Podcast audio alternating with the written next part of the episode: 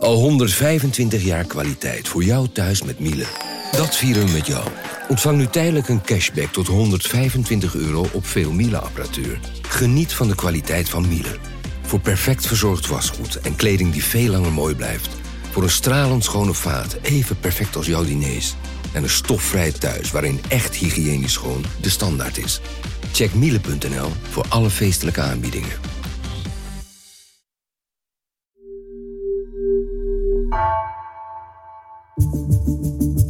Vanaf de redactie van NRC het verhaal van vandaag. Mijn naam is Thomas Ruip.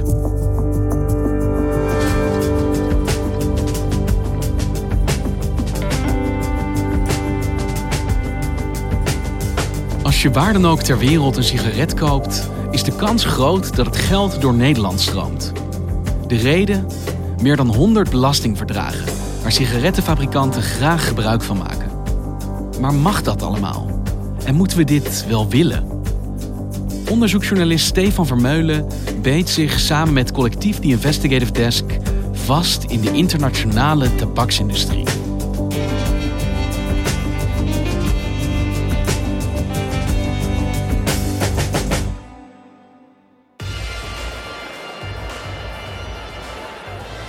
Het is juni 2019. We zijn in de fabriek van British American Tobacco in het Zuid-Koreaanse Sachon. De champagne gaat rond, het is feest, iedereen is blij. Uh, die dag is de 300 biljoenste sigaret van de band gerold. 300 biljoen, hoeveel nullen hebben we dan op een rij? Ik geloof dat er 12 nullen zijn. Dus het gaat daar enorm hard. En er waren ook hè, lokale politici die daar hartstikke trots zijn. Hè. Die fabriek is de trots van deze stad en, en van dit land. Um, dit was een feest. Dit was een groot feest. Het was succes daar. Een zakelijk succes. Wat er niet ter sprake kwam, was dat eigenlijk al die sigaretten in Zuid-Korea eerst op papier aan Nederland verkocht worden. Hier in Amstelveen zit een uh, holding, dus een zusterbedrijf van het bedrijf in Zuid-Korea. En al die sigaretten gaan elk jaar eerst naar Amstelveen toe, althans op papier. Waarschijnlijk worden ze niet echt letterlijk verscheept. Daarna gaan ze op papier meteen weer terug naar Zuid-Korea voor een hogere prijs. Ze worden in Zuid-Korea in de fabriek gemaakt. Ze worden in Zuid-Korea in uh, tabakswinkels, uh, noem maar op, uh, verkocht. Maar op papier zit daar dus een stapje tussen. Namelijk dat die sigaret eerst een tijdje in Amstelveen zit en daarna weer teruggaat. Waardoor die winst in Zuid-Korea dus lager uitvalt elk jaar.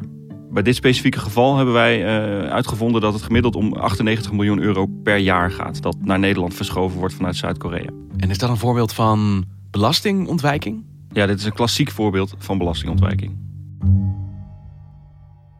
Hey Stefan, jij bent onderzoeksjournalist en jij hebt je de afgelopen maanden vastgebeten in de internationale tabaksindustrie. Waarom ben je dat gaan doen?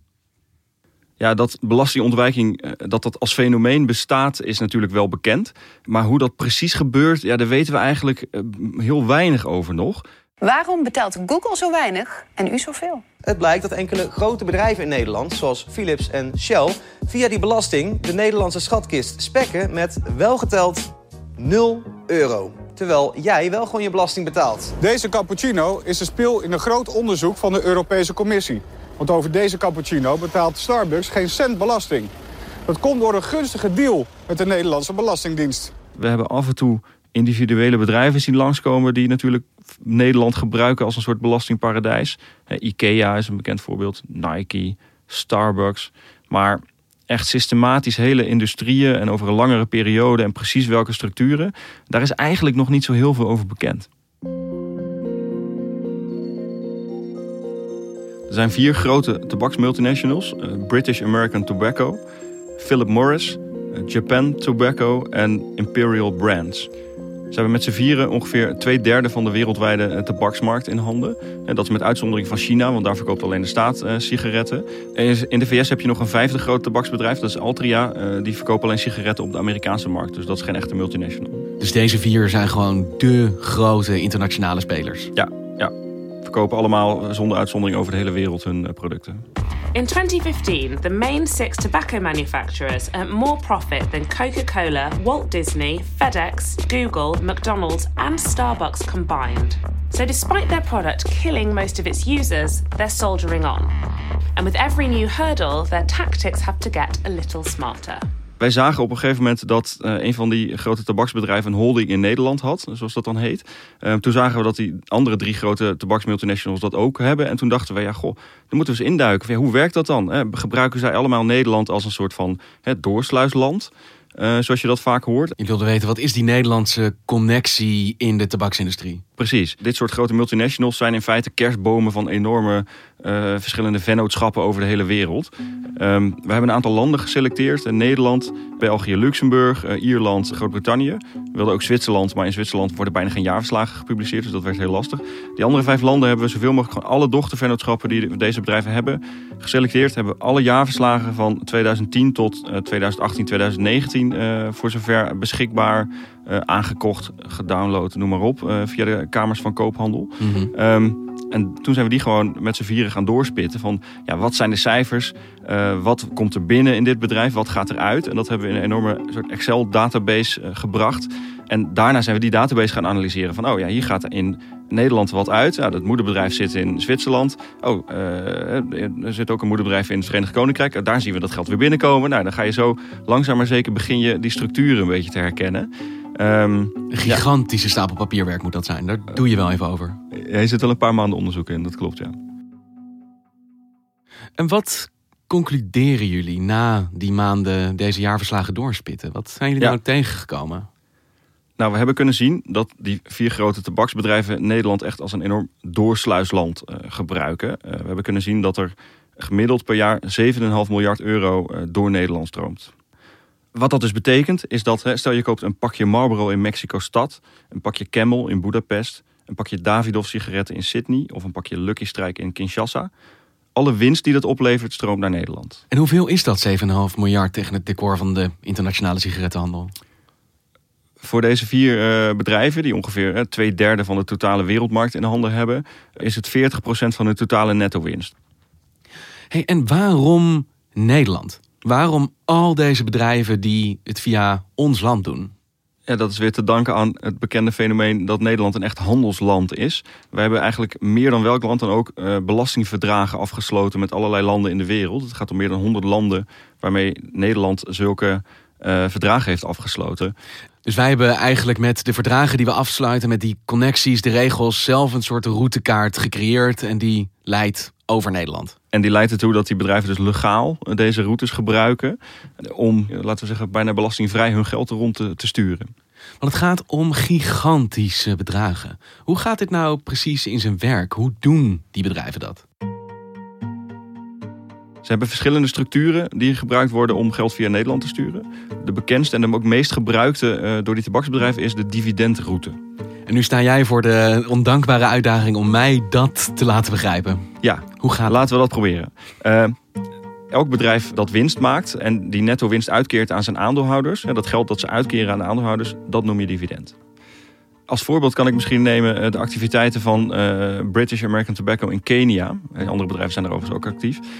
Dat is een enorm bedrijf. Dat is daar uh, winstgevend. Er verkoopt in Kenia hartstikke veel sigaretten. Uh, levert ook aan allerlei andere Afrikaanse landen. Dus daar wordt heel veel winst gecreëerd. Well, listed cigarette manufacturer British American Tobacco has posted a 22% increase in net profits for the period ending December 2018. Dat bedrijf BAT Kenia betaalt in eigen land een percentage winstbelasting. Houdt dan daarna een enorme netto winst over. En die wordt eigenlijk in zijn geheel naar Nederland gestuurd.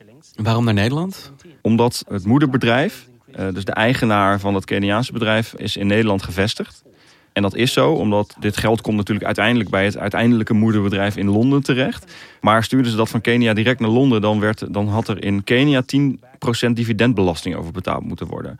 Maar door het verdrag met Nederland is het zo dat als je het naar Nederland stuurt, dat er 0% dividendbelasting betaald hoeft te worden. Dus zo uh, ontwijken ze dus 10% dividendbelasting in Kenia. Ja, dus als je als Brits bedrijf vanuit Kenia winst wil ontvangen, is het dus gewoon heel slim om Nederland daar als een soort ja, bruggetje tussen te zetten. En dan kun je op een legale manier ervoor zorgen dat je dus inderdaad net je belastingdruk wat verlaagt. Ja. En wat betekent dat dan voor Kenia, waar nou ja, die sigaretten geproduceerd worden, verkocht worden, uh, maar waar de winst dus niet blijft hangen, als ik het zo hoor? Klopt. we hebben ook in Kenia met een uh, anti-tabakslobbyist gesproken. En die zegt ook van ja, hierdoor wordt gewoon hier de belastinggrondslag uitgehold. En in ontwikkelingslanden is dat eigenlijk praktisch wel een probleem. Want dat zijn nou juist de landen waar het, het tabaksgebruik nog heel erg toeneemt. En waardoor ja, die overheden houden dus minder geld over om ja, anti-rookcampagnes te beginnen. Om fatsoenlijke hè, uh, ziekenhuizen in te richten. Om mensen met longkanker te behandelen en dergelijke. Dus het wordt een meer ongelijke strijd op die manier. Economists say Africa is increasingly seen as an attractive market for global cigarette companies. The population's growing and some people have more money to spend. Anti-smoking groups say cigarette companies are putting profits before people's health.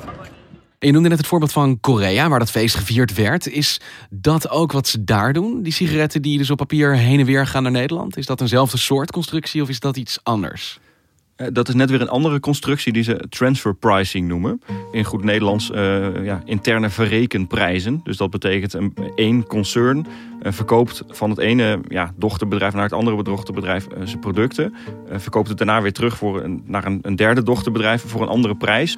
Um, het prijsverschil daarvan is gemiddeld 98 miljoen euro per jaar. Dat blijft in Nederland hangen. Maar we hebben op geen enkele manier kunnen achterhalen ja, waarom die Nederlandse vennootschap ja, recht zou hebben op dat geld. Of ze ineens uh, die sigaretten veel meer waard hebben gemaakt. Er, er, is geen enkele reden om aan te nemen dat ze daar echt iets mee gedaan hebben. Dus het is een manier om winst te verschuiven. Dat kan eigenlijk niet anders. Een andere manier die die bedrijven gebruiken is het doorschuiven van rente.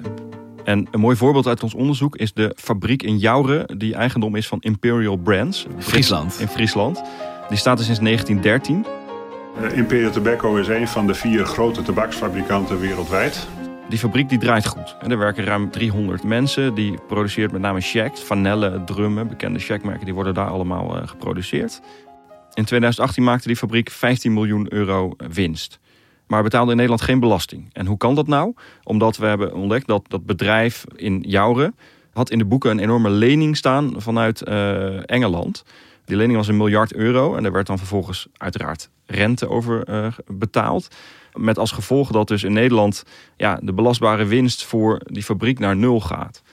Want een lening van een miljard lijkt me voor zo'n beetje elke boekhouder recept voor een zenuwinzinking. Maar dat is hier dus juist de bedoeling. Omdat je dan zoveel rente moet betalen, dan zegt een land als Nederland... ja, dan snap ik dat je geen winstbelasting hoeft te betalen. En nou is het wel zo dat dit, uh, volgens de wet uh, kan dit. Alleen dan wordt er wel gezegd van ja, die lening moet wel ergens voor gebruikt worden. Hè. Dat moet gewoon uh, bijvoorbeeld zijn dat je een nieuwe fabriek wil bouwen. Of dat je een, een soort nieuwe innovatie gaat doen. En dat je daar dus mensen voor nodig hebt, noem maar op. Um, wat niet mag, is dit soort leningen gewoon hè, binnen je concern geld schuiven, waardoor er dus rentebetalingen ontstaan. We hebben bij dit onderzoek ook met een paar fiscalisten gesproken die zeggen van ja, dit is ook wel een bekende manier die gebruikt wordt om hè, gewoon leningen ergens in de boeken te zetten en daarmee gewoon de winst af te romen. En dan is er nog een manier, dat is het betalen van royalties. En hoe werkt dat? Dat werkt als volgt. De sigaretten hebben allemaal vaak een bekend merk. Marlboro, Lucky Strike, Camel. Ook zelfs mensen die niet roken, die kennen dat allemaal natuurlijk wel. Zeker. Um, dus die merken die hebben waarde. Light up a Lucky Strike. Relax. It's light up time. Dus als jij sigaretten produceert en je wil ze, ik zeg maar wat, Lucky Strike noemen... dan moet je daarvoor betalen. Ja, dan moet je daarvoor betalen. Voor twee van de uh, vier concerns staan die merkrechten in Zwitserland... Een derde heeft ze in uh, de Amerikaanse staat Delaware neergezet. Wat ook een soort ja, miniem belastingparadijsje is. Onder meer omdat je geen belasting betaalt over royalties. Wat er vervolgens gebeurt is dat al die uh, dochterondernemingen die onder de Nederlandse holding vallen betalen voor het gebruik van de, de, merkrechten van het eigen bedrijf. Dat geld stroomt naar Nederland. En van daaruit stroomt het dan weer naar, ja, die, laten we even zeggen, belastingparadijzen. Uh, dat gaat jaarlijks gemiddeld om zeker aantoonbaar 150 miljoen euro. Uh, vermoedelijk is het meer, maar dit 150 miljoen is wat we echt gewoon uh, ja, in de boeken kunnen zien. En de crux is natuurlijk dat die royalties zijn voor al die dochterbedrijven zijn dat kosten. Dus in al die dochterlanden gaan door het betalen van die royalties gaat de winst omlaag.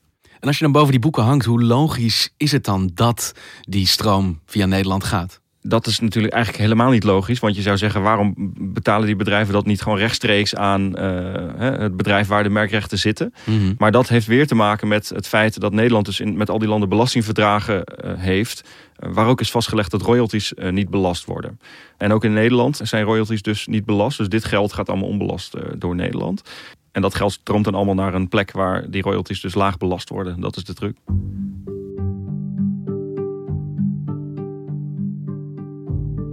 Hey Stefan, ik moet eerlijk zeggen dat het me een beetje duizelt. Er zijn dus heel veel manieren waarop die bedrijven zorgen dat ze zo min mogelijk belasting betalen. En eigenlijk leiden die sporen voor een heel groot deel naar Nederland.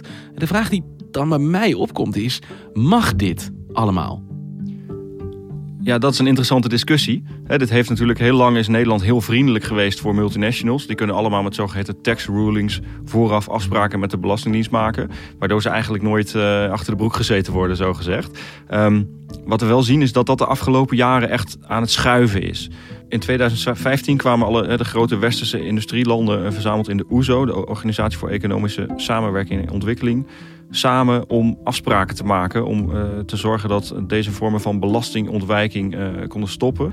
Um, en die maatregelen die heeft Nederland ook overgenomen. Uh, dat duurt wel een tijdje voordat dat echt ook in wetgeving is omgezet. We zien nu dat pas vanaf 2021 komt er een belasting op die rente en royalties. 2024 volgt een belasting op dividend. Dus Nederland is onmiskenbaar kritischer geworden. En die internationale richtlijnen die liggen er al een aantal jaar. De grootste zaak die op dit moment loopt is bij de rechtbank in Haarlem, gewoon hier in Nederland. Waarbij de Nederlandse Belastingdienst 1,2 miljard euro van uh, British American Tobacco eist. Want ze zeggen, die tabaksgigant die heeft 4 miljard euro aan rente door Nederland gestuurd zonder daar belasting over te betalen. Um, en dat was geen handig gebruik van uh, de structuren, maar misbruik. Of dat echt zo is, moet nog blijken, want die zaak loopt nog. Ja, dus als het klimaat strenger wordt, dan vermoed ik dat vanuit de meeste industrieën daar uh, behoorlijk van gebaald wordt op dit moment. Ja, maar er is één sector die daar eigenlijk helemaal niet zo uh, rauwig om is. En dat zijn dus de fiscalisten aan de Amsterdamse Zuidas. Um, oh. Ik heb er wel eens één gesproken en die zei van ja, hoe strenger die maatregelen worden, hoe interessanter het voor ons wordt. Want ja, die bedrijven die gaan niet allemaal ineens stoppen met, met ontwijken. Die gaan natuurlijk zoeken naar nieuwe mogelijkheden. En hoe lastiger dat wordt, hoe meer werk de Zuidas heeft. En hoe zit het dan met specifiek tabaksbedrijven? Want dit zijn bedrijven die vaak nou ja, in de landen zelf via belasting wordt geprobeerd sigaretten duurder te maken, mensen minder sigaretten te laten kopen. Maar internationaal kunnen zij dus nog steeds van al dit soort regelgeving gebruik maken. Ja, dat is nog een extra dimensie die specifiek bij deze bedrijven komt kijken natuurlijk. Wij spraken ook met Paul Tang, de Europarlementariër... die een uh, speciale commissie tegen belastingontwijking voorzit in het Europees Parlement. En die zei ook van ja, dat is eigenlijk wel eh, zuur natuurlijk dat inderdaad gewoon internationaal en ook in Nederland het kabinet probeert op alle manieren roken te ontmoedigen. Tegelijkertijd worden die bedrijven enorm gefaciliteerd om eigenlijk meer winst te maken. Ja, dat schuurt natuurlijk enorm. Ja. De klopjacht op belastingontwijkers moet intensiever. Baltang. Zeker. En wat je ook ziet bij de onthulling van de Panama Papers... het is alsof je een tegel oplicht en het ongedierte wegkruipt. We zien dus de, we zien de, de IJslandse premier die opstapt. We zien Bert van Meerstad die opstapt. Uh, en die, wij moeten het licht werpen op deze constructies. Want jij komt dit tegen na maandenlang grasduinen in de jaarverslagen van deze bedrijven. Wat zeggen die bedrijven daar zelf over? Dat ze dit doen en waarom ze dit doen? Nou, geen van de bedrijven wilde inhoudelijk met ons praten over de structuren die ze gebruiken. Zowel Philip Morris als British American Tobacco zei: ja, alles wat wij doen is volgens de geldende wet en regelgeving. En we betalen ook grote bedragen aan belasting, betalen we wel. Um, Japan Tobacco reageerde nergens op. Um, ja, het opmerkelijk was wel dat Imperial Brands gaf ons eigenlijk een reactie in één zin. Waarin ze erkenden dat ze dus aan belastingplanning doen. Omdat dat nou helemaal in het belang is van hun aandeelhouders. Want je kan natuurlijk als bedrijf zeggen, uh, dit mag wat we doen. Maar als je zo journalistiek de zaklamp daarop richt... dan komt er denk ik in het land een andere vraag op. En dat is namelijk, willen we dit wel? Precies, dat is de kwestie hier, denk ik. Hè? Het is niet voor niets dat daar al een aantal jaren maatschappelijk discussie over is. Van in hoeverre faciliteren wij als Nederland belastingontwijking door grote bedrijven.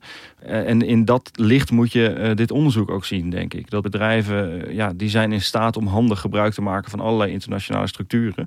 Ja, waardoor ze dus minder belasting betalen dan de bakker op de hoek. En ja, die heeft het in deze tijden al moeilijk genoeg. Dus ik kan me voorstellen dat hij een beetje verontwaardigd is als dan een heel groot bedrijf toch minder belasting blijkt te betalen.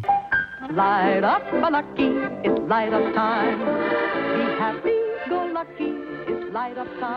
Hey, en jij, je hebt je nu op de tabaksindustrie gericht. Ga jij door nu naar de volgende sector om onder de loep te nemen? Nou, dit onderzoek was wel vrij intensief. Dus ik denk dat ik eerst even wat pauze neem. Maar uh, het zou zeker interessant zijn. Omdat dit, nou, vanuit die maatschappelijke discussie rond belastingontwijking... is het heel interessant om eens ook naar andere sectoren te gaan kijken. Van, hoe gebeurt dat daar eigenlijk? Nou, Stefan, even diep ademhalen en dan weer terug de jaarverslagen in. Ja, wellicht, ja. light of time. Yes, sir. Dankjewel. Graag gedaan. Je luisterde naar vandaag, een podcast van NRC. Eén verhaal, elke dag. Deze aflevering werd gemaakt door Misha Melita en Jan-Paul de Bond. Chef van de audioredactie is Anne Moraal. Dit was vandaag, morgen weer.